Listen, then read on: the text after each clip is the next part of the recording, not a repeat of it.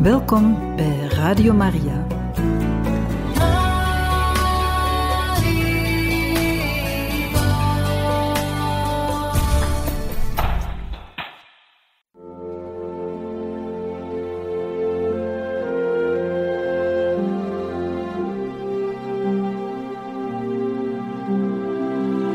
Beste luisteraars van Radio Maria, welkom bij het programma Catechismus. Een overweging bij de geloofschat van de kerk.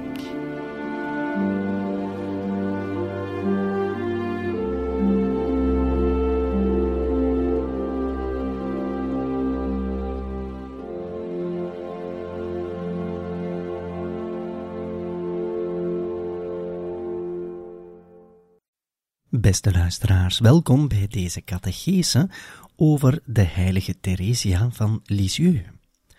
We bespreken het leven van de heilige Theresia en proberen daarna ook wat uit de leer van de heilige Theresia van Lisieux te halen voor ons eigen geestelijke leven. De heilige Theresia van Lisieux is kerklerares. Ze heeft ons dus iets bij te leren. En we waren gekomen aan het moment dat de familie Martin, het gezin waar Theresia van Lisieux in is grootgebracht, naar Lisieux is vertrokken. We hebben Lisieux wat besproken, en het is een moeilijk moment voor al de kinderen en ook de vader van het gezin, want de moeder Zélie is onlangs gestorven, in augustus 1877. Vandaag zullen we de jaren 1878, 79 verder bespreken. Het leven van de heilige Theresia, zoals ze het zelf beschrijft, is rustig en gelukkig. Maar we weten ook dat het niet altijd gemakkelijk was. Zelf zegt ze dat haar karakter vanaf die leeftijd, van vier jaar en een half, eigenlijk wat veranderde. Ze werd wat meer verlegen.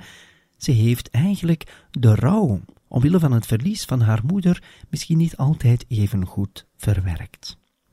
Maar wat ze van haar moeder blijft herinneren, neemt ze echt met zich mee, voor haar leven. Zo ook een heel klein schietgebedje, dat ze zelf vaak zal herhalen en waarvan ze zich herinnert dat haar moeder het haar heeft geleerd. Het klinkt als volgt.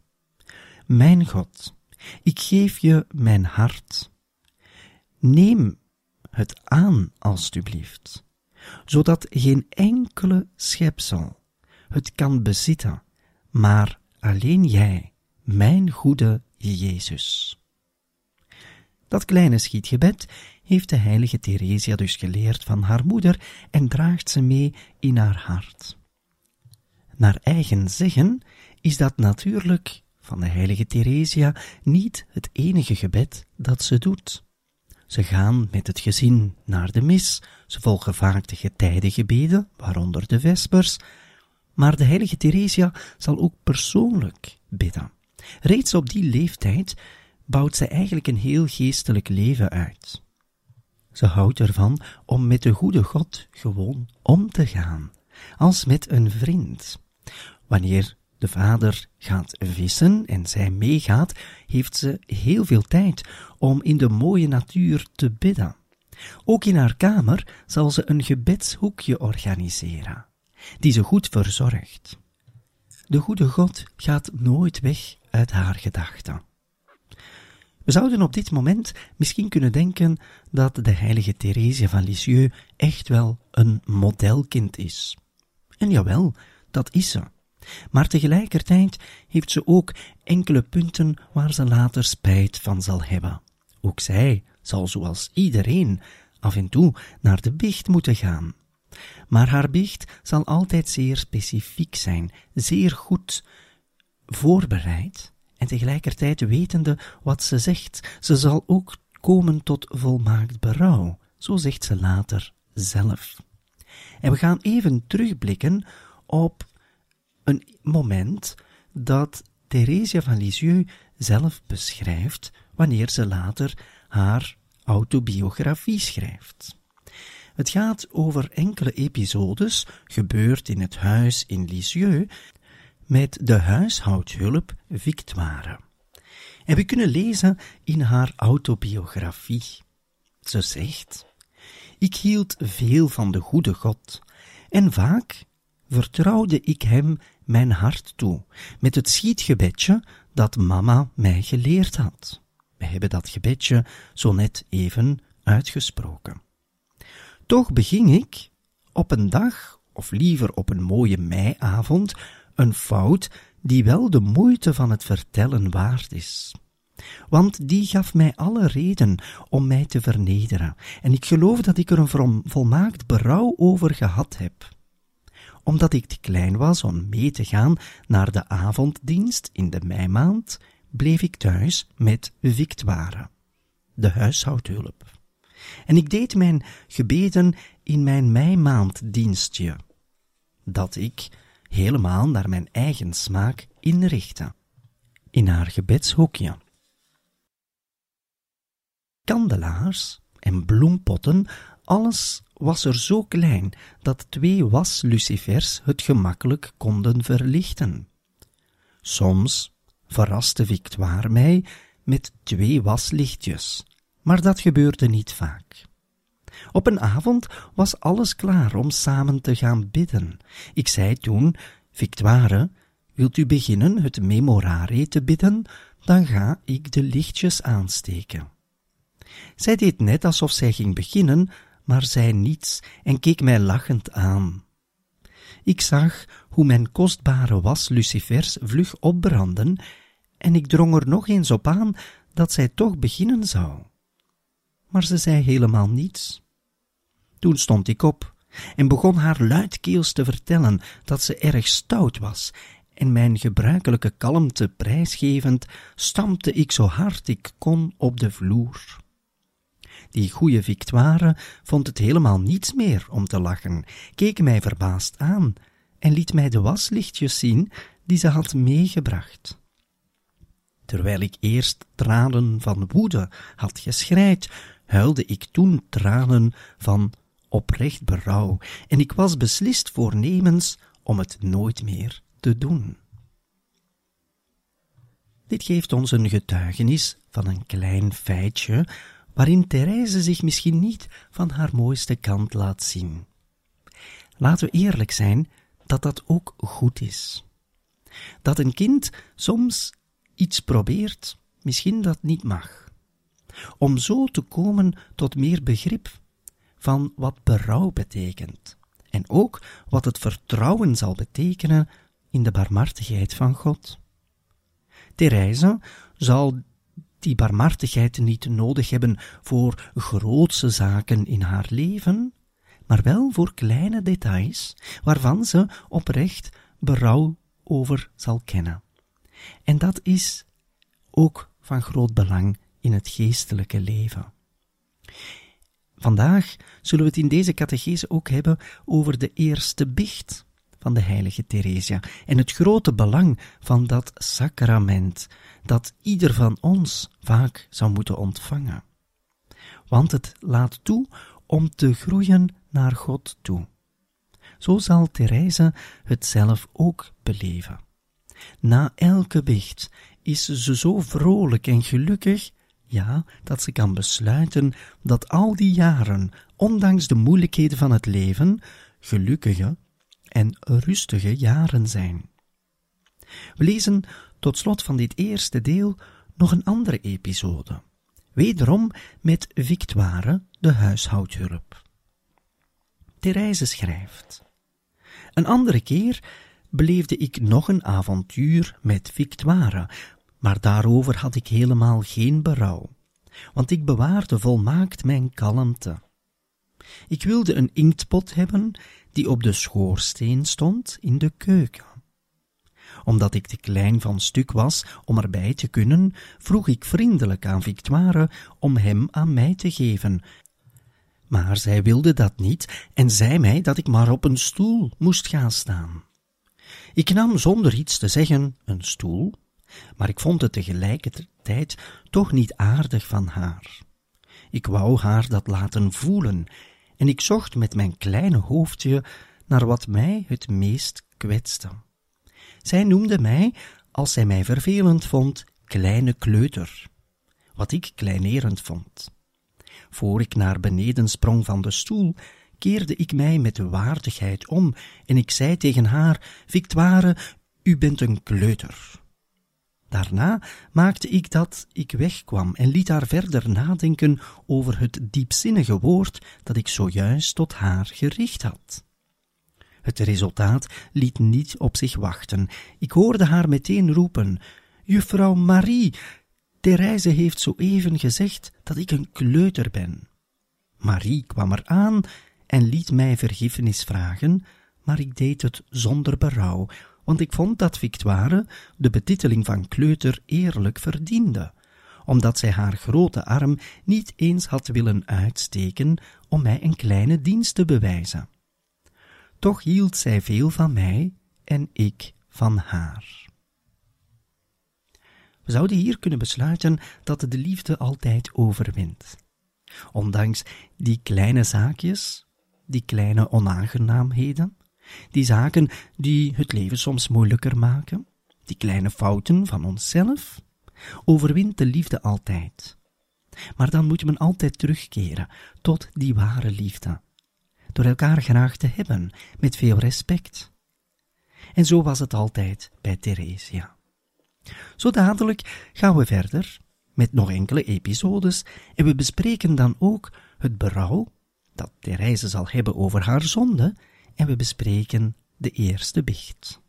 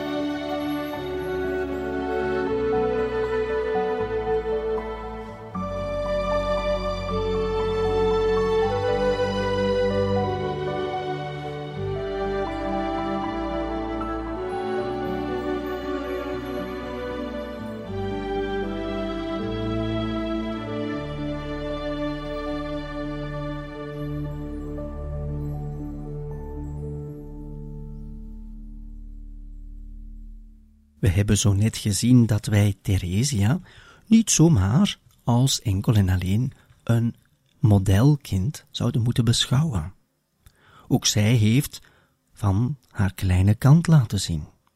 Ook al lijkt het ons vandaag maar te gaan over enkele details, voor Therese zijn ze veelbetekenend. En gaat het hier over fouten die ook zondig zijn, waarover zij berouw zal tonen en waarover zij nederig om vergeving zal moeten vragen. We lezen even in haar autobiografie over enkele episodes die zij heeft meegemaakt in huis en hoe zij soms het leven, niet altijd door haar eigen schuld, soms wel, het leven van anderen wat moeilijker maakte.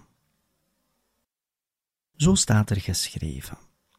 Op een keer redde Victoria, de huishoudhulp, mij uit een gevaarlijke situatie waarin ik door mijn eigen schuld terecht kwam. Victoire stond te strijken met naast haar een grote emmer water. Ik stond er naar te kijken terwijl ik zoals gewoonlijk op een stoel heen en weer zat te wippen. Ineens schiet de stoel weg en ik val, niet op de grond, maar wel pardoes in de emmer. Mijn voeten raakten mijn hoofd en ik vulde de emmer als een kuikentje zijn ei. Die goeie Victoire stond in opperste verbazing naar mij te kijken, want zoiets had zij nog nooit meegemaakt. Ik wou wel erg graag zo gauw mogelijk uit mijn emmer raken, maar dat ging niet. Mijn gevangenis zat zo klem vast om mij heen dat ik geen enkele beweging kon maken. Met enige moeite bevrijdde zij mij uit deze moeilijke situatie, maar niet mijn jurkje en mijn andere kleren. Zij moest mij wel helemaal omkleden, want ik was nat tot op de draad. En door haar speelse karakter op dat moment zal Victoire eigenlijk iets moeten doen wat ze in normale omstandigheden niet had moeten doen. Zij ziet dat als een schuld. Wij kunnen vandaag zeggen een zeer kleine schuld. Maar het toont aan tot welke details Therese bereid is te gaan om haar leven zo goed mogelijk te beleven, altijd met de goede God.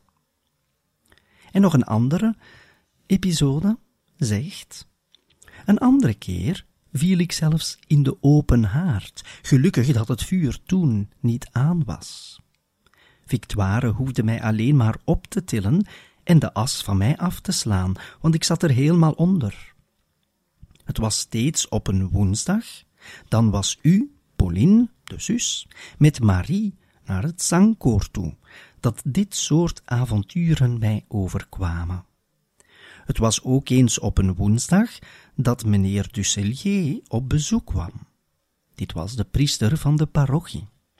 Victoire had hem gezegd dat er niemand thuis was behalve de kleine Therese. Hij kwam de keuken in om mij op te zoeken en bekeek mijn huiswerk. Ik was erg trots dat mijn biechtvader bij mij op bezoek kwam. Want kort tevoren was ik voor de eerste maal gaan biechten. Wat is dat een vreugdevolle herinnering voor mij. Over die eerste biecht kunnen we het hebben. Ten eerste zal deze biecht gebeuren gewoon in de kerk waar ze zondags naar de mis gaan.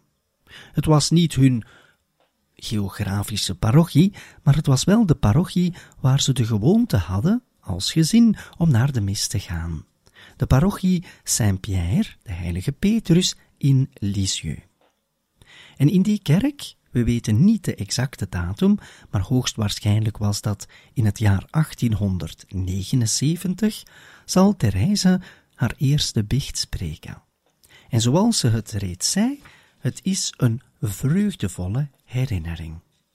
Voor ons zou het mooi zijn om dit als voorbeeld te gebruiken om zelf ook de waarde van het sacrament van de biecht terug te ontdekken. Het is vandaag de dag vaak met de gebrekkige kennis dat we over de biecht durven nadenken of spreken, of we denken er zelfs volledig niet meer aan.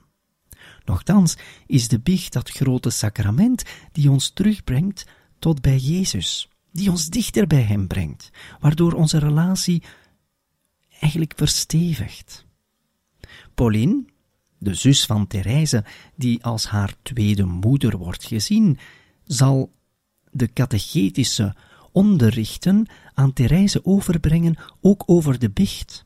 Pauline zal Therese voorbereiden op de bicht. En Pauline zegt het volgende. Wanneer Therese het over de zonde heeft, dan zegt Pauline als uitleg dat de tranen van de goede Jezus tijdens de biecht het hart weer mooi maakt. De kennis die Therese over God heeft, komt ons dus altijd zeer persoonlijk over, nooit afstandelijk. Jezus is iemand die erbij hoort, die in het leven hoort, die een plaats krijgt in het leven.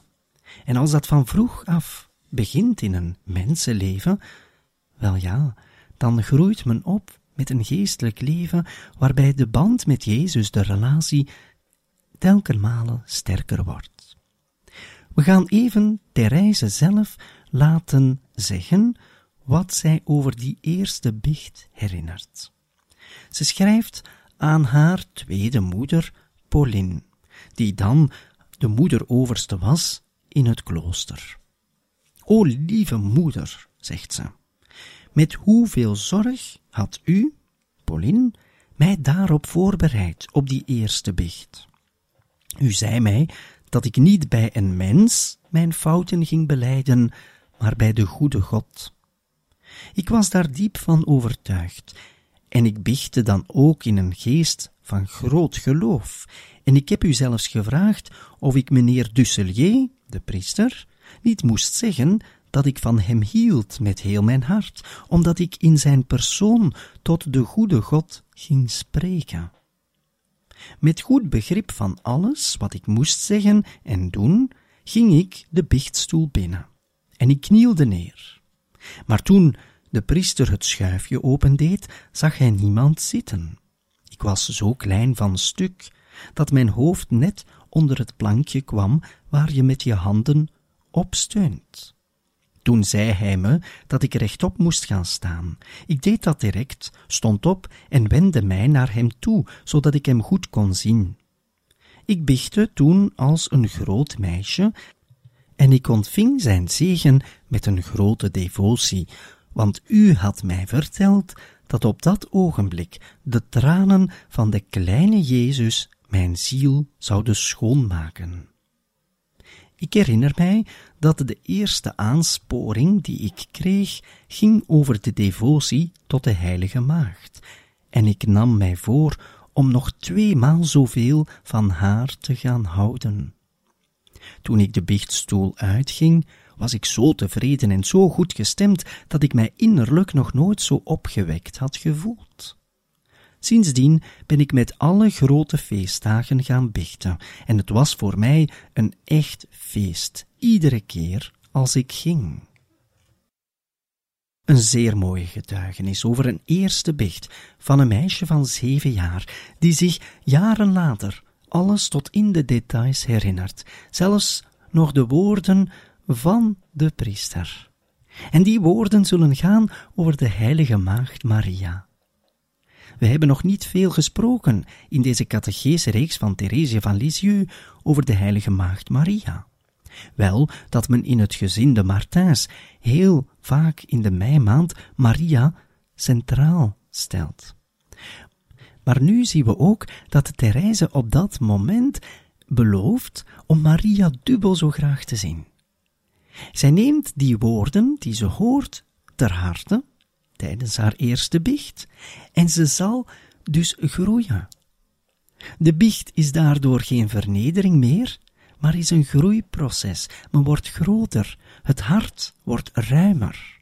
Het hart zal meer capaciteit ontvangen om de liefde van God te kunnen doorgeven.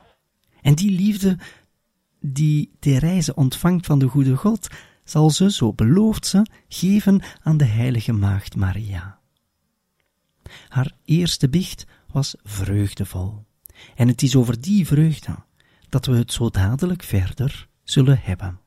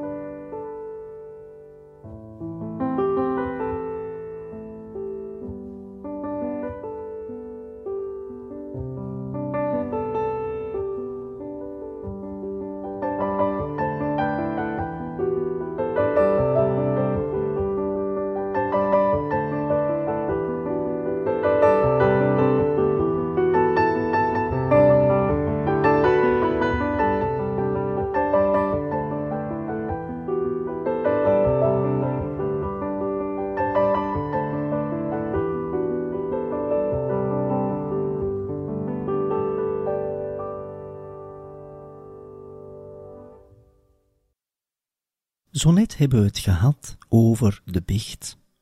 Het belang van de biecht in het leven van Theresia, ook al waren misschien de zonden minimaal, zij had een zeer groot bewustzijn van de fout die ze maakte, hoe klein ze ook mogen zijn. Ze wenste altijd rein te zijn voor de goede God, en ze ontvangt dan ook op een hele devote manier de absolutie, de vergeving van Jezus zelf. We gaan het nu hebben over iets anders, maar iets dat daar eigenlijk ook mee te maken heeft. Want als we over de biecht spreken, is het ook van groot belang om te spreken over de Eucharistie. De Eucharistie, wel, ze zal vanaf de eerste jaren van haar leven reeds meegaan naar de Eucharistie. Ze zal die mooie ontmoeting met de Heer nooit willen verliezen. En een van de grootste gebeurtenissen van Therese was de eerste communie. Maar we gaan het even niet hebben over haar eigen eerste communie, maar de eerste communie van haar zus Céline. Dit is de voorlaatste van het gezin. En deze eerste communie gebeurde op 13 mei 1880. Op dat moment is Therese zeven jaar. En die dag, ook al is het de eerste communie van haar zus, zal haar zo bijblijven en o zo belangrijk zijn dat ze het er later nog over zal hebben. Want eigenlijk kwam het over alsof zij zelf, Therese, haar eerste communie deed. Ze heeft de voorbereiding van Céline tot de eerste communie zelf wat mee mogen volgen. Zij begreep al heel goed wat de communie inhield, dat men dus niet zomaar brood ontvangt, maar wel degelijk Jezus zelf. De eerste communie is o zo belangrijk dat de oudere zus, Pauline, durft uitleggen aan Céline en ook aan Therese die erbij was, dat de eerste communie een nieuw begin is van uw leven. Het leven dat mooi is en gegeven door God kent een nieuw begin op de dag van de eerste communie. Het was de gewoonte dat men bij een eerste communie heel veel intenties gaf in die tijd aan het kind dat de eerste communie deed. En dit omdat Jezus in het evangelie heeft gezegd, laat de kinderen tot mij komen. Zo geloofde men dat Jezus zeker zou luisteren naar het kind dat voor de eerste keer Jezus in de heilige Eucharistie mag ontvangen. Dat Jezus zodanig zou luisteren dat iedereen, de ouderen, de intenties zou meegeven aan dat kind. En het ging over heel veel intenties. Waarschijnlijk zal het kind nooit al die intenties kunnen onthouden maar men schreef ze op. Dat was de gewoonte in die tijd. En zo was het ook bij Céline. Heel veel intenties waren gegeven. En Céline zal die intenties met zich meedragen en aan Jezus voorleggen op het moment dat ze Jezus ontvangt. Therese, de zus, zal die dag dus een grote dag vinden. Ze schrijft erover het volgende. Het leek me of ik zelf mijn eerste communie aan het doen was. Ik geloof dat ik op die dag heel veel genaden heb ontvangen en ik beschouw die dag als een van de mooiste van mijn leven. De liefde voor de Eucharistie. Ook al kan ze op dat moment zelf niet ter communie gaan, De liefde voor de Eucharistie blijft en is voor haar o zo belangrijk dat ze er vele genaden van zal ontvangen. Zelfs al is het de genade van aanwezig te zijn bij die genadevolle dag van haar eigen zus. In die tijd was het ook de gewoonte dat wanneer men de eerste communie had gedaan, Céline was op dat moment elf jaar, dat men enkele weken later al het vormsel mocht ontvangen. Céline zal op 4 juni 1880, op het feest van het Heilig Hart, het vormsel ontvangen. En dit werd haar gegeven door de bisschop van Bayeux-Lisieux, Monsieur Hugonin. Ook voor Therese was dit een grote dag. Na die feestelijkheden, de eerste communie van haar iets oudere zus en het vormsel, gaat het gewone leven verder. Ze moet nog altijd haar lessen volgen thuis, gegeven door haar oudere zus Pauline. En in een van die lessen moet Therese een dicté opschrijven. Het is waarschijnlijk Pauline die dat dicté heeft geredigeerd en Therese moet schrijven zonder fouten. En het is de moeite waard om dit even te lezen. Het zijn wat niet samenhangende zinnen, maar we zien erin hoezeer de spiritualiteit, het devote leven echt tot uiting komt. En hoe ook het belang van de feesten van zussen belangrijk zijn voor de anderen in het gezin. In dit huiswerk, in dit dicté, staat er het volgende. Céline is gisteren gevormd. Ik las vandaag het verhaal van de opstanding van Lazarus en de genezing van de honderd man. Ik hou van grote margrieten, bosbessen en klapperrozen. Grote spinnen maken me erg bang. De heilige maagd ging naar de tempel toen ze drie jaar oud was. Ze viel op tussen haar metgezellen door haar vroomheid, haar engelachtige zachtheid. Iedereen hield van haar, bewonderde haar, maar nog meer de engelen die haar als hun kleine zusje beschouwden. De hemel vertelt over de glorie van God. Gisteren ben ik met papa naar het platteland geweest. Ik heb veel plezier gehad. Ik heb een mooie bos grote margrieten geplukt om een kroon voor mezelf te maken, en ik heb in mijn mandje nog wat andere mooie bloemen voor Céline meegenomen. Het is bijna zomervakantie. Ik hou van aardbeien, frambozen, kersen, aalbessen, peren, appels, pruimen, perziken, abrikozen, druiven en vijgen. Ik heb een grote, mooie pop, maar ik hou van de kleine baby die ik van mijn tante kreeg voor kerstmis. Ik wil een heel braaf meisje zijn. De heilige maagd is mijn geliefde moeder, en kleine kinderen lijken meestal op hun moeder.